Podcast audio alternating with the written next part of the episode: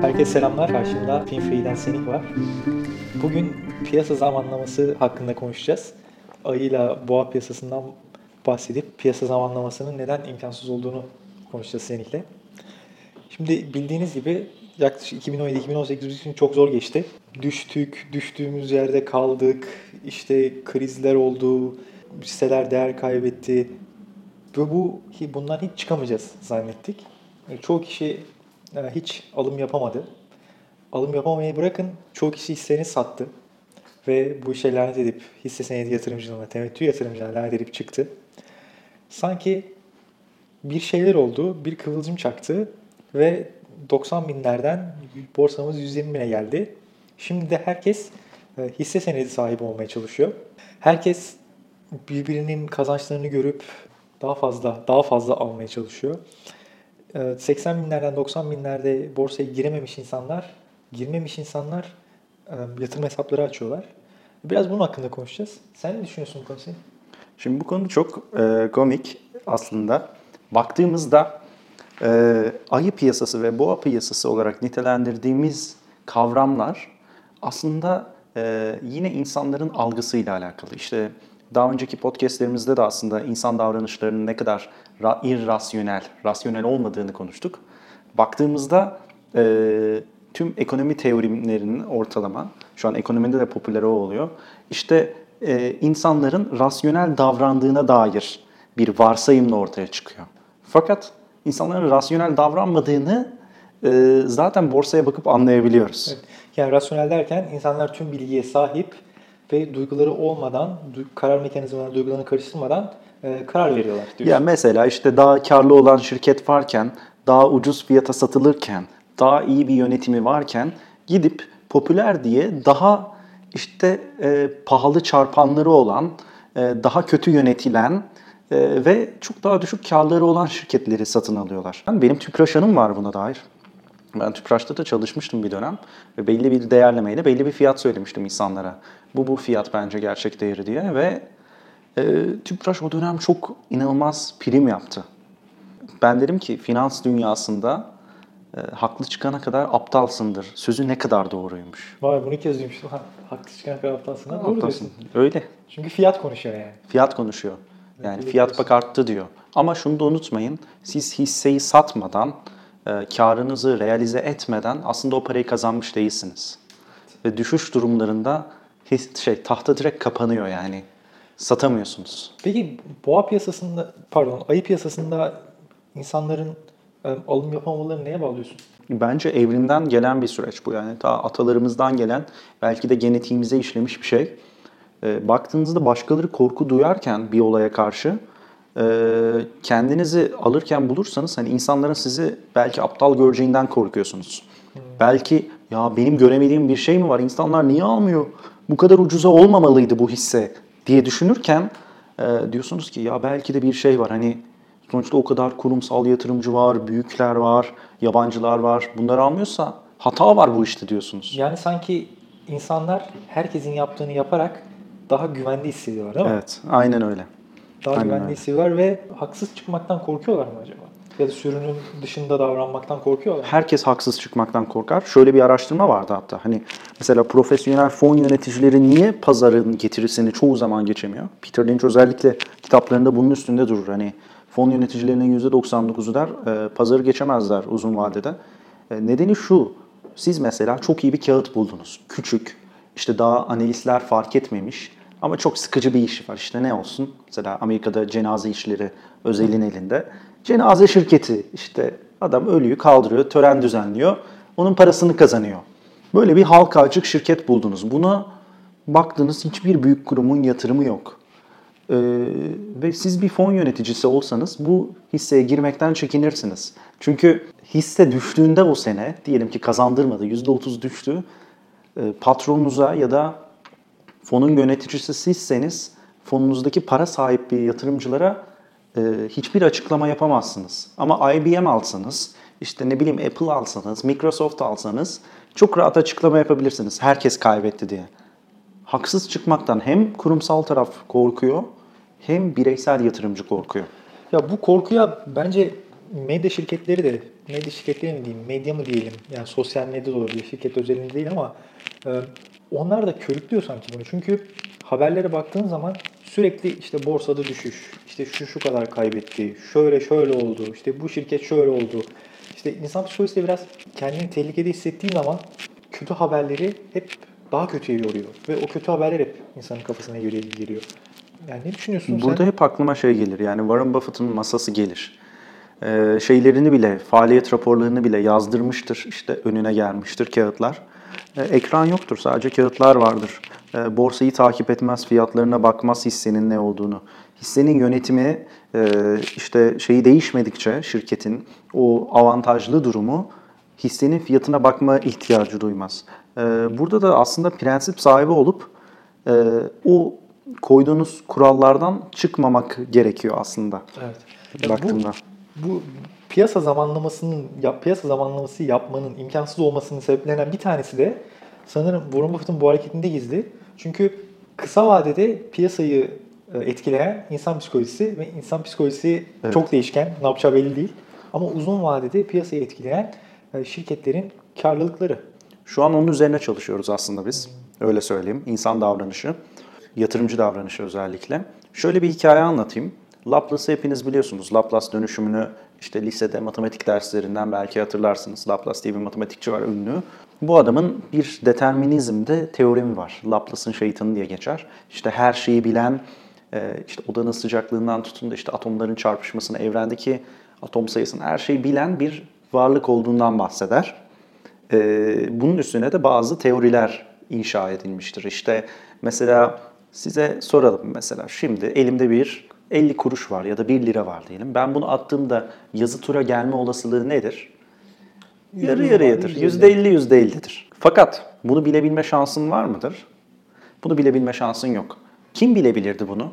İşte o odanın sıcaklığını bilen, işte benim atma eğrimi bilen, işte iki tarafında ağırlığını bilen, o yazı turanın daha sonra atomların çarpışmasını, odanın içinde yüzde ne kadar hava var vesaire vesaire. Tüm bunları bilen birisi yazı mı tura mı gelecek bunu bilebilirdi. Tesadüf olmazdı bu. Yüzde elli elli de olmazdı. Borsada kısa vadeyi bilmek de böyle bir şey. O kadar fazla veri var ki ve bu veriler de dijitalleştirilmemiş mesela insan davranışı. Sizin kısa vadede bu fiyat düşecek mi, yükselecek mi bilme şansınız yok. Özellikle insan davranışının ötesinde artık robotlar da gelmiş durumda. Arkada bir robot trade ediyor. Sen nasıl bunu e, anlamlandıracaksın? Ya bir de insan psikolojisi de var zaten. O iş zor. o iş zor. Yapanlara şapka çıkarmak lazım.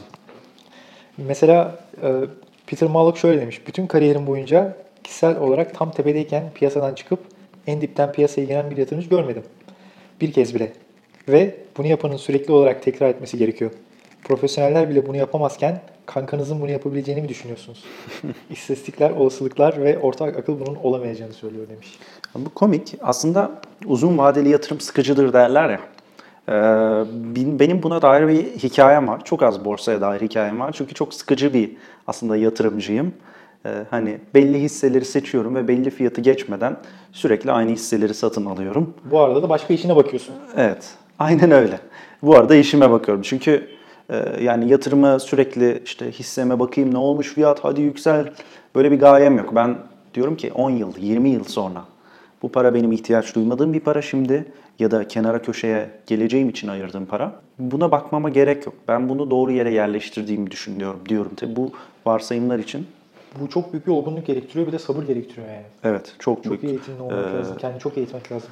şey çok gerekiyor yani hani kararınızdan emin olmak. Çünkü gerçekten şeyin sözü var ya John Bogle'ın sözü var. Bu endeks fonlarını yaratan adam e, Vanguard'ın da Vanguard'ın mıydı? Kurucusu. Vanguard'ın kurucusu.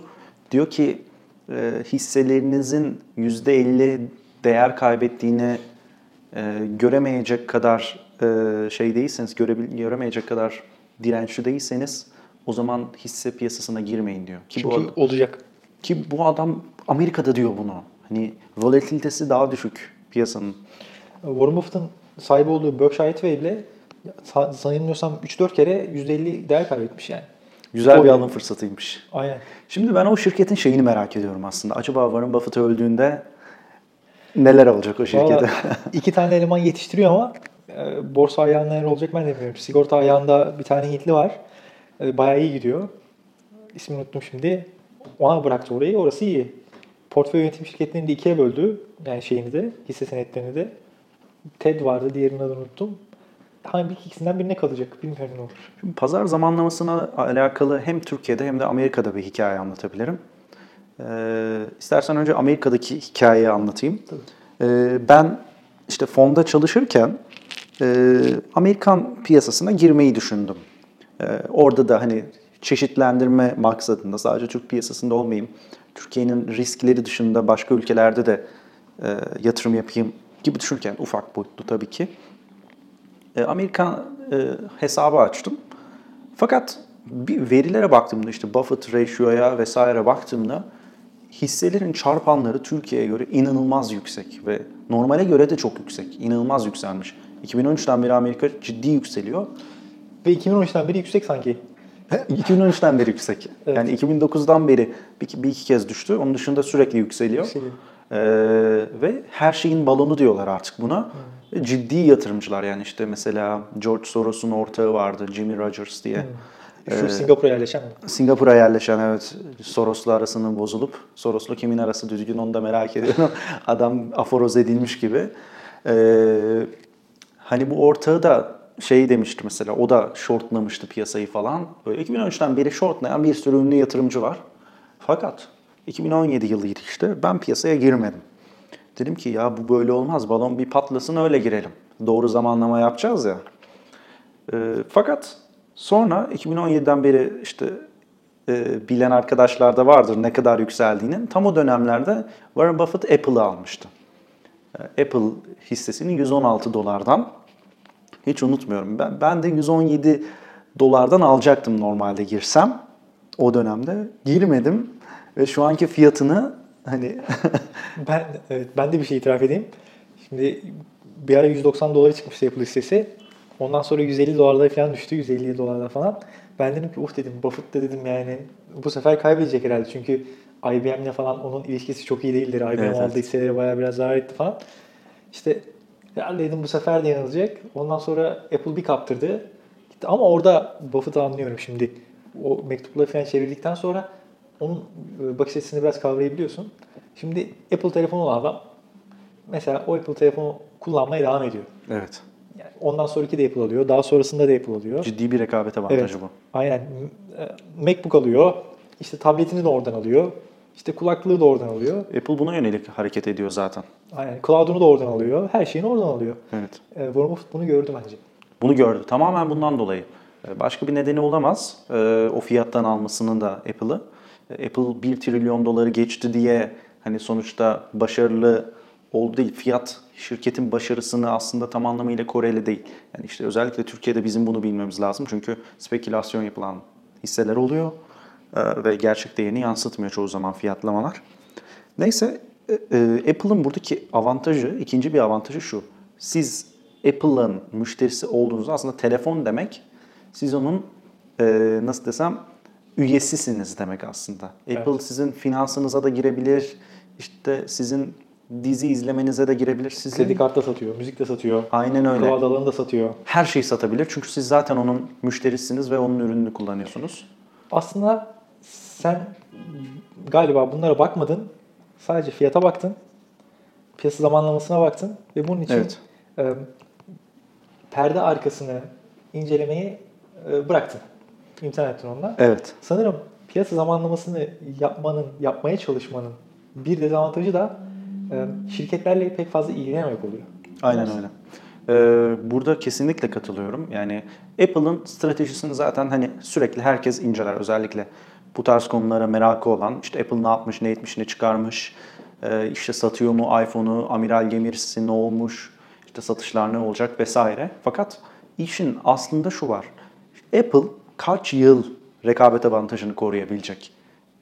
Bu kritik bir. İkincisi ben hani hevesimde şu vardı. Hani daha düşük fiyatlamayı alabilirim gibi düşünüyordum. Fakat bir daha o seviyelere gelecek mi hiçbir fikrim yok. ki Apple gibi bir şirket e, çok iyi. O kadar düşer mi? Yani yüzde e, yüzde 50 mi ne kadar? 267 dolarlarda, Evet, çok fazla. 170 dolarlarda tekrar 110 dolarlara düşer mi? Yani piyasanın ne olacağı belli olmaz ama biraz Evet. zor gözüküyor. Biraz zor gözüküyor artık. İstersen piyasa zamanlaması yapmaya çalışmayalım.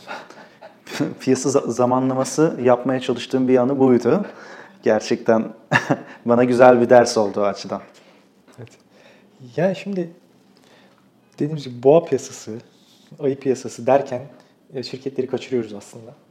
Şirket, e, ve peki bundan e, kaçınmak için ne yapacağız? Sonra sorayım. Yani boğa piyasası ve ayı piyasasından işte kaçınmak için ya, piyasada kalmayı nasıl başaracağız? Abi bu bir strateji meselesi bence. Yani mesela Borsa Sihirbazları kitabı vardı. Bir trader'ın yazdığı. İşte çok başarılı 10-15 t- trader'la röportaj yapmış. Ve hepsinde gördüğüm ortak nokta hepsinin prensibinin olmasıydı. Kimisi stop loss koyuyor ki bize çok uzak nokta mesela işte.